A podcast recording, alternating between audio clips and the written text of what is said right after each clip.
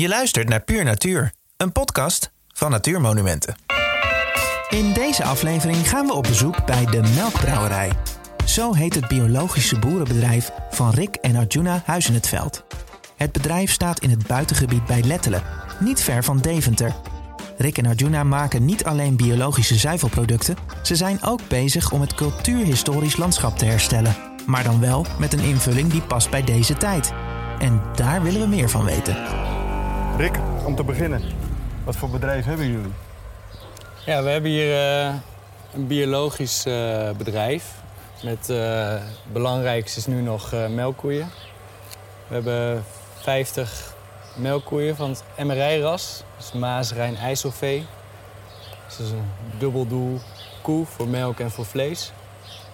Ja, en die koeien die, die, die, komen hier al honderden jaren voor. Die komen uit het landschap. En ja, die, die melken we. En de, van die melk maken we wat producten die we ook aan huis verkopen. Hier vanaf de boerderij? Hier ook vanaf de boerderij en ook in andere, in andere winkels en horeca. En we doen ongeveer 20% van de melk verwerken we zelf. En de rest gaat via een coöperatie met uh, 200 biologische boeren naar verschillende melkfabrieken. Dus via Eco Holland is dat. Zeg, was jij altijd al van plan om boer te worden? Nee, ik ben, uh, ik ben wel opgegroeid hier op de boerderij. Maar ja, na de middelbare school ben ik op een gegeven moment grafisch vormgeven gaan doen. Bijvoorbeeld bij stages gedaan bij reclamebureaus en dat soort dingen. Dat vond ik toch iets te commercieel. Dus toen ben ik op een gegeven moment uh, landschapsarchitectuur gaan doen. Dus meer richting ontwerpen. Dus vooral bezig met stedelijke landschappen. Dus pleinen, parken, straten, dat soort dingen ontwerpen.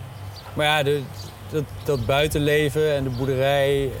Ja, begon toch op een gegeven moment wel veel meer te trekken ja, er was een mogelijkheid om dit over te nemen. Ik heb twee broers en een zus. Die wouden, die wouden het niet overnemen. Het was toen nog gewoon een gangbaar, uh, gangbaar bedrijf. Ja, en toen heb, heb, ik met mijn vrouw Artuna op een gegeven moment... Uh, we woonden toen in Utrecht. En om, om te onderzoeken of dat iets voor ons was, dat boeren, zijn we de, of ben ik nog de, de Warmonder Hof gaan doen. Dus een opleiding biologisch dynamische landbouw.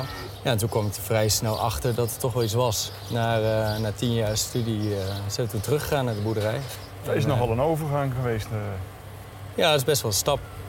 Van pleinen ontwerpen naar ja. biologisch boer worden. Ja, dat is zeker een stap. Ja, die, die ontwerpprincipes die we daar die, die geleerd hebben altijd, die kun je hier ook wel goed toepassen.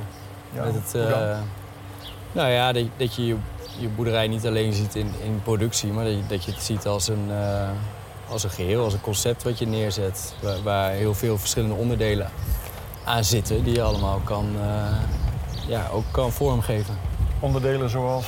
Zoals het landschap en je producten en dat, je, dat, je, dat je kijkt hoe je, hoe je boerderij samenwerkt met de stad. Dus hoe, hoe je consumenten op je erf kan krijgen en mensen iets kan leren over voedsel. En, nou ja, en het landschap, natuur, biodiversiteit. Al die dingen kun je uh, horen ook bij een boerenbedrijf. Nu heb je ervoor gekozen om niet het gangbare bedrijf voor te zetten, maar het roer om te gooien. Wa waarom was dat?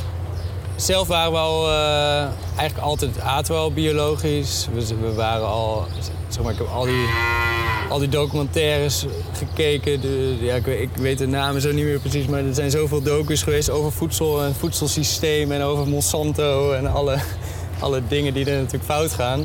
En al die keuringsdienst van waarde afleveringen.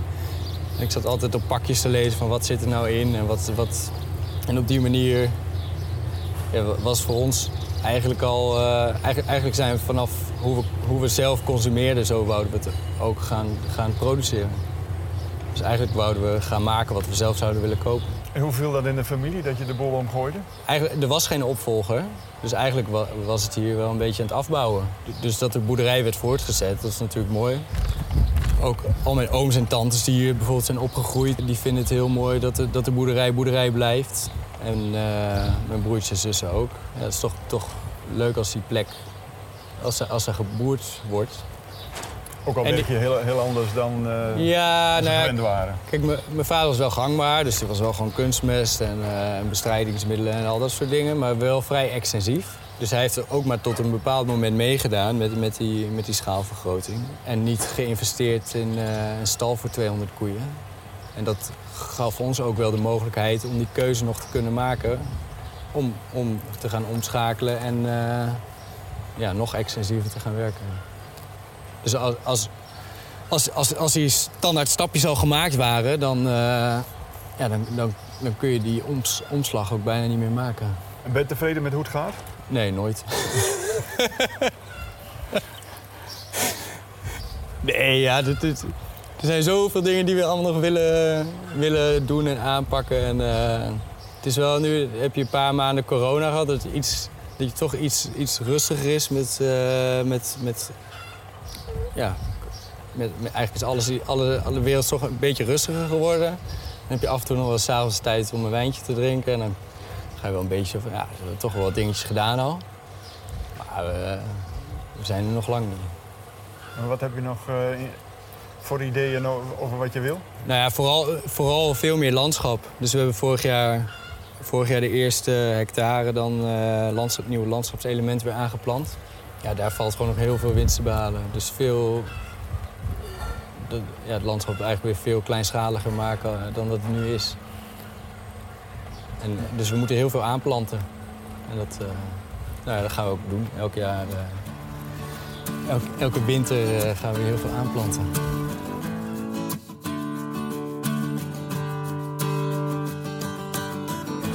Ik las ergens dat jij de elfde generatie bent op de boerderij. Ja, niet helemaal hier op de boerderij, maar wel in dit gebied. De boerderij waar ik elf generaties geleden van afstam zit hier 300 meter verderop.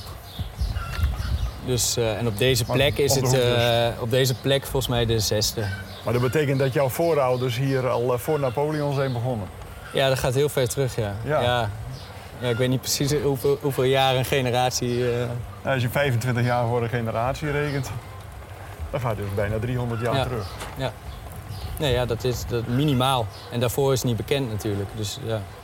En op deze, op deze grond is al, zeg maar die oude enkgronden hier, daar is al meer dan duizend jaar landbouw. Ja, want hoe zag het landschap er toen uit in hun tijd?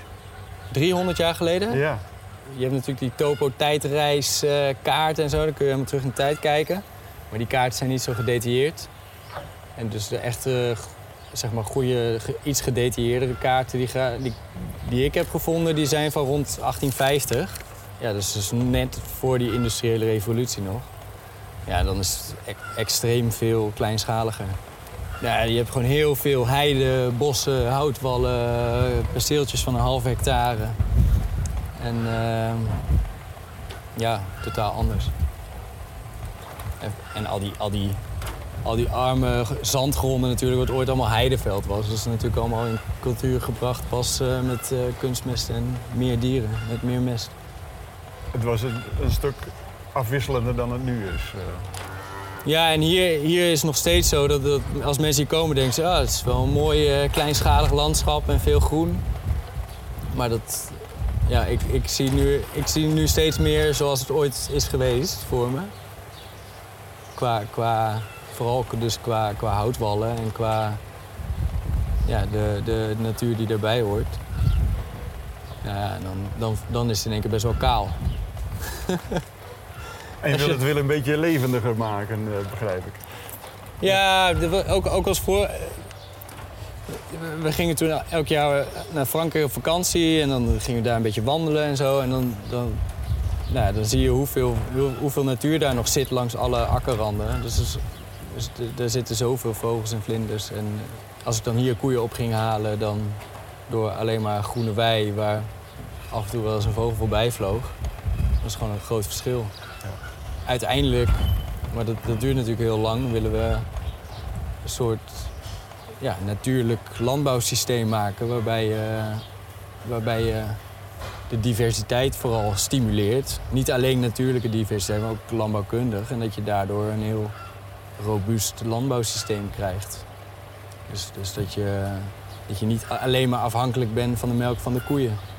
Maar dat je ja, dus eigenlijk zo divers mogelijk omgaat met je bedrijf. En, nou zijn jullie begonnen om uh, de eerste houtwallen weer, uh, weer in te planten. Ja, Eh, heb je daarvoor oude kaarten gebruikt om te bepalen waar, dat, eh, waar die moest komen? ja we, hebben, we hebben niet letterlijk op die plekken neergelegd eh, waar ze ooit waren. Maar sommige stukken wel, sommige stukken niet. Maar het- dat is zeker wel de, wel de inspiratie. Zullen we er even gaan kijken? Ja.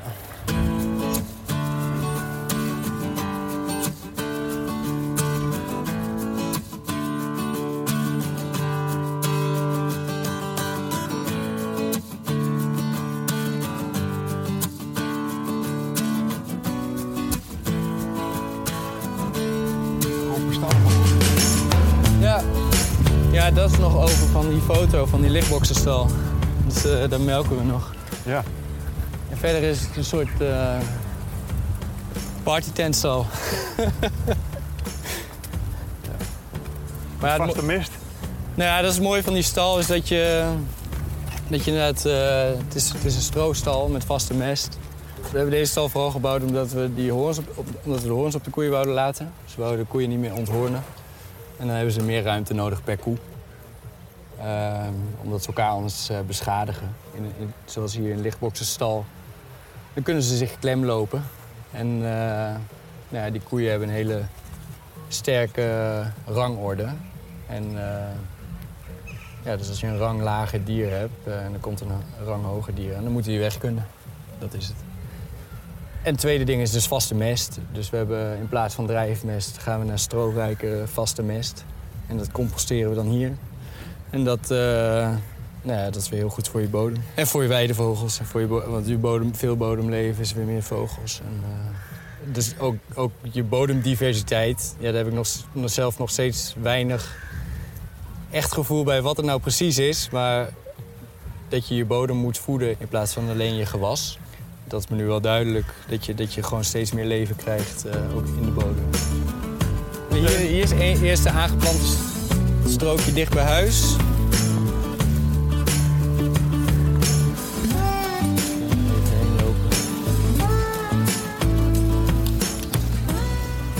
Dat is natuurlijk bomen die groeien langzaam. Hè? Dus het is allemaal in, eh, in december hebben, de, eh, hebben het meeste geplant.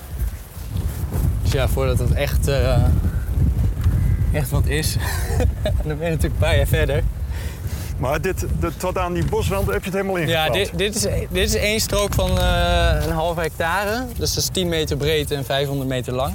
Ja, dit is meer als een, als een voedsel, voedselbosstrook eigenlijk. Dus daar zitten eh, ja, 100 verschillende soorten, eetbare soorten in. Eetbare, meerjarige gewassen. Ja. Dus allemaal fruit, noten, bessen. Uiteindelijk komt hier een, eh, een plukpad doorheen. En Maar het- dat is ook wat anders dan een historische houtwal. Ja, ja wat we, ik denk wel dat we het een beetje moeten aanpassen op deze tijd. Dus dat je... We hebben eigenlijk een heel plan gemaakt met verschillende eh, typologieën houtwallen. Dus dit is dan een voedselwal, maar we hebben ook een voederwal. Dus dat is een, dat, daar zitten eetbare soorten in voor koeien. Dus dan kun je, die kun je gewoon af laten grazen door de koeien. Dus verticaal weiden, zeg maar. En om wat voor bomen gaat het dan? Ja, dat zijn eigenlijk hele simpele inheemse hoor. Dus gewoon wilgen en elzen en eh, eikjes. Eigenlijk eten, eten koeien ja, alles wat hier in de, van nature groeit aan planten, dat eten ook. En die wilg bijvoorbeeld, er zit dan... ehm hoe heet dat, pijnstiller in? Dat, dat zouden ze dan ook weer eh, op kunnen nemen. En zo zijn er... Hebben we ook allerlei kruiden en zo gezaaid. En, eh, dus we maken meer kruidenrijke graslanden. En, en, en allemaal ook houtige soorten die de koeien goed kunnen eten. En eh, het, wordt dus een soort, soort, al- een soort boomgaard, maar dan in houtwalvorm. Ja. Eh, en ga je het ook zelf daarvan oogsten en, en dat verwerken? Nou, we, hebben, we hebben nu een heel ledensysteem rond de boerderij. Dus we hebben nu 80 gezinnen. Eigenlijk zijn we er vorig jaar mee begonnen. 80 gezinnen die eh, in onze zelfbedieningskoelcel zelf hun producten ophalen. En dat schrijven ze op en dat wordt één keer per maand afgeschreven. En zometeen als, er- als, er, als er oogst komt, dus het duurt nog wel, duurt nog wel even. Maar dan eh, kunnen ze een plukabonnementje nemen. Ja. En dan zelf uh, de, de zelf langslopen om te pakken wat ze willen hebben. Ja. Leuk. En hoe, hoe, ehm, eh, hoe moet je dat verder beheren? Of, of komt daar verder geen, eh, geen beheer aan te pas? Ja, we hebben het al wel een paar keer water moeten geven. Het was natuurlijk vrij droog dit voorjaar. En we moeten, we moeten wel een beetje onkruid, of onkruid, we moeten een beetje gras weg gaan halen rond de boompjes. En uh, ja, je moet het wel een beetje beheren. Ja. Nee, ja, we moeten dit wel een beetje onderhouden, maar we, zo min mogelijk. En dat is eigenlijk ook hoe we de, hoe we de, hoe we, hoe we de andere dingen doen met de boerderijen, met de koeien. Is dat je grasland hebt uh, met veel klaars en kruiden erin. Die zelfs zorgen voor stikstof. En dat je een beetje uh, zorgt dat, dat, dat je daar weinig input voor nodig hebt om dat, uh, om, om, dat toch productief te laten zijn. En zelfs met die koeien heb je, heb je dus een, een, koeienras wat zichzelf heel goed gezond kan houden met, met een laagwaardig rantsoen. Dus die oude MRI-koeien die kunnen heel goed gras omzetten in melk. Maar het is niet heel veel melk. Dus die koeien zorgen goed voor zichzelf. En, en die iets minder voor de boer, zeggen ze dan. Maar ja, ik vind het juist wel prettig dat ze goed voor zichzelf zorgen. Want daar heb ik te weinig werk mee.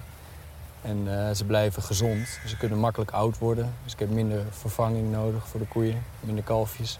En ze geven toch melk. Wel een stuk minder, maar wel, uh, wel hele lekkere, gezonde melk. Van alleen maar gras. Ja. Dan even terug naar de houtwallen. Je hebt er nu één aangelegd. Uh, wat staat er nog meer op stapel? Ja, we hebben nu, want dit is dan een half hectare. We hebben in totaal op onze gronden nu één hectare van dit soort stroken aangelegd. En we hebben nog in het dorp nog één hectare. We hebben ook, ook uh, zes stroken met bomen. En dus we hebben in totaal zo'n beetje twee hectare bomen geplant deze winter. Dat gaan we komende winter weer doen. En, en, die andere stroken staan ook vol met fruitbomen? Of nee, het zijn dus verschillende typologieën. Dus je hebt een, bijvoorbeeld een waterwal, dus met, meer, met, met soorten die goed uh, op natte stukken kunnen. En dus een weidewal, waar de koeien van kunnen weiden. En dit is dan een voedselwal, waar voedsel uitkomt voor mensen. Op een ander stukje hebben we dan vooral met noten en hazelaars. Zo ja, zijn we veel dingen aan het uitproberen vooral. En ook om te kijken van nou, wat doet het nou goed en wat werkt wel en wat werkt niet. Dat weet ook niemand. En daar komt jouw uh, achtergrond als landschapsarchitect toch nog weer een beetje aan bod. Ja, ja, het, ja, het is een soort ontwerp in de praktijk dan. dus het is vooral... Uh, nou, het is leuk dat je, dat je het ook kan uitvoeren. Dat je iets kan bedenken en dat vind ik het leuke hieraan. Dat je niet alleen maar iets ontwerpt achter je computer en dan weer volgende dingen ontwerpt, maar dat je dingetjes kan bedenken en dan ook echt kan realiseren. Ja. En is daarvan rond te komen? We kunnen hiervan leven. We leven nu gewoon met, eigenlijk met twee gezinnen van 50 koeien. Dus mijn ouders leven hier ook nog van en wij. En uh, weinig te klagen. Maar de vraag is natuurlijk op de lange termijn hoe, hoeveel, misschien moet je ook wel toch wel meegroeien, omdat het niet rendabel is. Of je moet veel meer zelf af gaan zetten. Of als we extensiever willen, dan hebben we meer grond nodig. Dus je moet op een gegeven moment natuurlijk wel uh, investeringsruimte hebben. En dat is nu niet heel erg. Dus we zijn wel. Dus we kunnen, er, we kunnen ervan leven op dit moment. Maar ik weet nog niet zeker of, of, of dit rendabel genoeg is in de toekomst. Maar ja, daar heb ik nog, geen, nog niet echt een antwoord op. Hm. Maar ja, we zijn wel goede dingen. Bijvoorbeeld uh, uh, in december is een uh, coöperatie Land van Ons is gestart. Die heb ik toen een mailtje gestuurd. En zij waren heel enthousiast over wat we aan het doen zijn. Nou, zij hebben nu voor ons, daar lopen de koeien nu al. Hier net achter de, achter de mais, achter, achter de mais van de buren... Hebben ze een stukje van 4 hectare aangekocht. En wij kunnen dat dan tegen een lagere pachtprijs kunnen we dat, uh, gebruiken voor de koeien. En dan kunnen we daar dus extensief op boeren. Omdat het iets minder opbrengt. Uh, ja, kun je daar dus wel zometeen weer houtwallen terugplanten en uh, kruidenrijk grasland en extensieve boeren. Maar als ik zelf tegen de, gewoon de, de grondprijs hier 60.000 per hectare landbouwgrond moet kopen... en ik kan er dan maar één koe op melken, die ook nog eens maar de helft van de melk geeft... Nou, dan, dat, dat, kan, dat kan niet uit. Dus, dus we hebben wel dat soort nieuwe initiatieven of, of uh, ja, misschien subsidies voor natuurbeheer of wat. We, kunnen niet alleen maar dan meer uit die melkproductie halen. Maar ja, dat is ook niet realistisch, want je gaat ook zorgen voor dat je schonere lucht hebt en dat je CO2 vastlegt in je bodem en dat je schoner water hebt en geen uh, nitraatuitspoeling. En, uh, dus je gaat eigenlijk ook allerlei ja, maatschappelijke diensten kun je het dan noemen. Of je kan het ook omdraaien natuurlijk. maar dus dat je... En dat zijn diensten waarvoor je eigenlijk betaald zou moeten worden? Nou ja, die, die moeten op een of andere manier of meegerekend worden in je melkprijs. Dus, dus eigenlijk is gewoon uh, misschien gewone, gewone melk wel te duur. Omdat je, omdat je bepaalde vervuilingen of andere dingen niet meerekent. Dus of, of je moet dat terugkrijgen in je melk en in je, in je producten. Dus door een stukje zelf te vermarkten kun je dat tot op een... Voor een stukje kun je dat terugkrijgen, maar ja, niet helemaal. Dus uh, of dat moet dan via andere, via andere wegen. Vind je dat de overheid genoeg doet om, om, om jouw type landbouw, jouw type boer uh, verder te helpen? Ja, ik, ik, ik, geloof ook wel dat je toch vooral zelf moet doen. Kijk, uiteindelijk uh, heeft het ook weinig zin om biologische landbouw te gaan subsidiëren. Want dan, dan, dan komt de prijs niet meer uit de markt en dan uh, verliest iedereen. Dus ik geloof op zich nog wel in marktwerking. en uh, ik denk wel dat er op termijn qua beleid en regelgeving... dat er wel gekeken moet worden van... Nou, als je echt kleinschalige, extensievere boerderijen hebt... misschien dat niet alle regelgeving wat voor, voor super grootschalige, intensieve landbouw... dat al die regelgeving die daarvoor gemaakt wordt... dat je dat hier ook per se moet... Dat het allemaal controleerbaar moet zijn. Want heel veel dingen voldoen we sowieso al aan. Dus qua mest, uh, mesting, ja, we, we, hebben een mesttekort. Dus, dus ja, waarom zou ik dan alles moeten bijhouden en monsteren? En je zou ook gewoon kunnen bedenken van... Uh, ik, heb een tekort, je gaat niks aanvoeren. Daar, daar krijg je geen vervuiling van. Maar ja, ook... Je hebt natuurlijk, uh, op dit moment moet iedereen uh, gewoon voldoen aan alle regelgeving.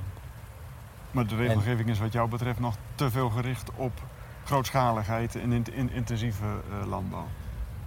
Ja, er wordt regelgeving gemaakt om excessen te voorkomen. En, en dat is op zich goed. Maar nou ja, ik ben heel veel tijd, maar dat hoor je in alle sectoren natuurlijk, ook in de zorg en op scholen, dat je gewoon heel veel tijd kwijt bent met administratie en dingen bijhouden voor, voor controles. Wat eigenlijk niks toevoegt, want we willen ook aan al die regels voldoen en we voldoen daar allemaal aan. Um, dus op zich is, ja. Dus ik, ik vind het soms wel eens... Ja, ik denk dat het kan wel iets specifieker. Dat je gewoon iets minder generiek beleid maakt voor de hele, voor hele sectoren. Maar dat je, dat je voor bepaalde dingen wel uitzonderingen kan geven.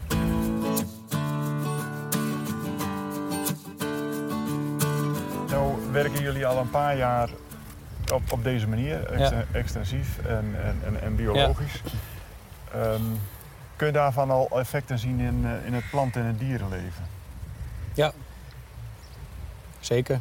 We hebben ja, bijvoorbeeld een stukje wat, wat 20 jaar lang uh, akkerbouw was. Met, met mais en aardappels, uien, uh, lelies hebben er zelfs gestaan. dat is verschrikkelijk. Maar daar, ja, daar, daar, was die bodem gewoon dood. En door, door daar weer koeien, koeien op te doen en kruidenrijk grasland te zaaien met klavers en vaste mest en compost, is dat organisch stofgehalte aan het stijgen, wordt die bodem weer luchtiger, komt er weer bodemleven in, komen daar weer vogels. En, en sowieso, als we een perceel hebben met. Uh, ja, nu met maaien laten we altijd strookjes staan. Nou, dat zit helemaal vol met, met vlinders, vogels, bijen. En, en, dus, dus het heeft zeker effect. Maar nog, ik, denk, wil, je, wil je echt een beetje impact hebben, dan moet het wel op veel grotere schaal. Dus dan heeft het, zo, zoals hier hadden we die hout al aangeplant in december. Maar ja, er zitten hier zoveel hazen, die hebben de helft alweer opgegeten van wat we aangeplant hebben. Ook omdat die, die, die hebben hier geen vijanden, die hebben, die hebben geen andere plekken waar, waar, ze, waar ze zulke lekkere hapjes hebben. Dus nou ja, uiteindelijk moet je een soort ecosysteem, landbouwsysteem met elkaar integreren. Maar daarvoor heb je wel een bepaalde schaal nodig, denk ik. Dus het zou mooi zijn nou ja, als, als er op meer plekken hier in de buurt uh, ook weer nieuwe houtwallen en landschapselementen en poelen en dingen kan aanleggen. Zodat, je, ja, zodat het meer effect heeft. Ja. Zijn er collega-boeren hier in de buurt die, die die kant op willen? Ja, dat begint nu wel een beetje te komen, ja.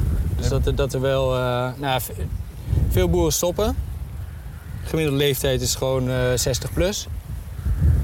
Dus, dus de meest, ik ben al lang blij, of het nou gangbaar of bio is, ik ben al lang blij als uh, een jonge boer uh, hier wil boeren. Dat vind ik eigenlijk al heel wat. En nou ja, als, als, als ze nog meer natuurlijk willen werken, dat is natuurlijk helemaal mooi meegenomen. En nou ja, er zit hier nu ook een, ook een boer die is, die is nu net dit voorjaar begonnen met omschakelen. Naar biologische landbouw. Ja. ja. Nou ja, kun je oh. samen houtwallen gaan aanleggen? Nou ja, dat is dus de vraag. Van, uh, hoe, hoe uh, ik denk ook dat het heel goed, heel goed past, zeg maar, in, sowieso in gebieden rond steden. Dat je daar gewoon, gewoon in ieder geval een soort... Het, het is al uitloopgebied van de stad. Het zou mooi zijn als je dat, dat, je, dat je daar sowieso uh, bufferstroken hebt met, met extensieve natuurlijke landbouw. En nou, mensen kunnen het dan ook goed gebruiken om... Uh, die willen ook graag in een mooi landschap sporten en fietsen en lopen. Van wat voor uh, plantendieren word jij nou vrolijk als je die, uh, die tegenkomt? Nou ja, we hadden laatst, laatst weer de eerste, de eerste wulp die weer uh, nest had en drie kuikens heeft uitgebroed. Daar word ik wel blij van. Ja. Ja, sowieso gewoon alles. En we hebben bijvoorbeeld, we hebben, we hebben sinds twee jaar weer varkens op de boerderij. En sinds dit jaar, ja, vorig jaar heeft hij het geprobeerd, maar dit jaar voor het eerst weer huiszwaluwen. Omdat ze modder hebben om een nestje te bouwen. Nou, dat soort dingen. Dan, die, die, die, die, is, die, die heeft hij 30 jaar is hier niet geweest omdat hij gewoon geen modder had. en ik, ja, dat, zijn soms zulke simpele, simpele dingen. Ja, gewoon, gewoon dat, er moet gewoon veel meer, veel meer natuur komen. Of veel meer sowieso, we, we, hebben dan een stukje, als je daar weer gewoon die reeën allemaal jouw klaver ziet opeten, denk ik, ja, ben ik op zich wel blij mee dat, die, uh, dat ze dat eten. dat vind ik niet zo erg. Dan halen ze dat voor de koeien weg. Ja, maar ja, dus het moet toch een beetje, een beetje samen gaan, hè? Ja. En gewoon sowieso vlinders, bijen. Veel vlinders komen ook weer terug. Maar ja, het is eigenlijk het is niet zo moeilijk. Je hebt iets wat bloeit en dan komen die insecten komen er dan wel op af. dan moet je wel zorgen dat ze iets te eten hebben. Ja. Dus bloemen terug in, uh, in het land. Ja. Oké. Okay. Dankjewel.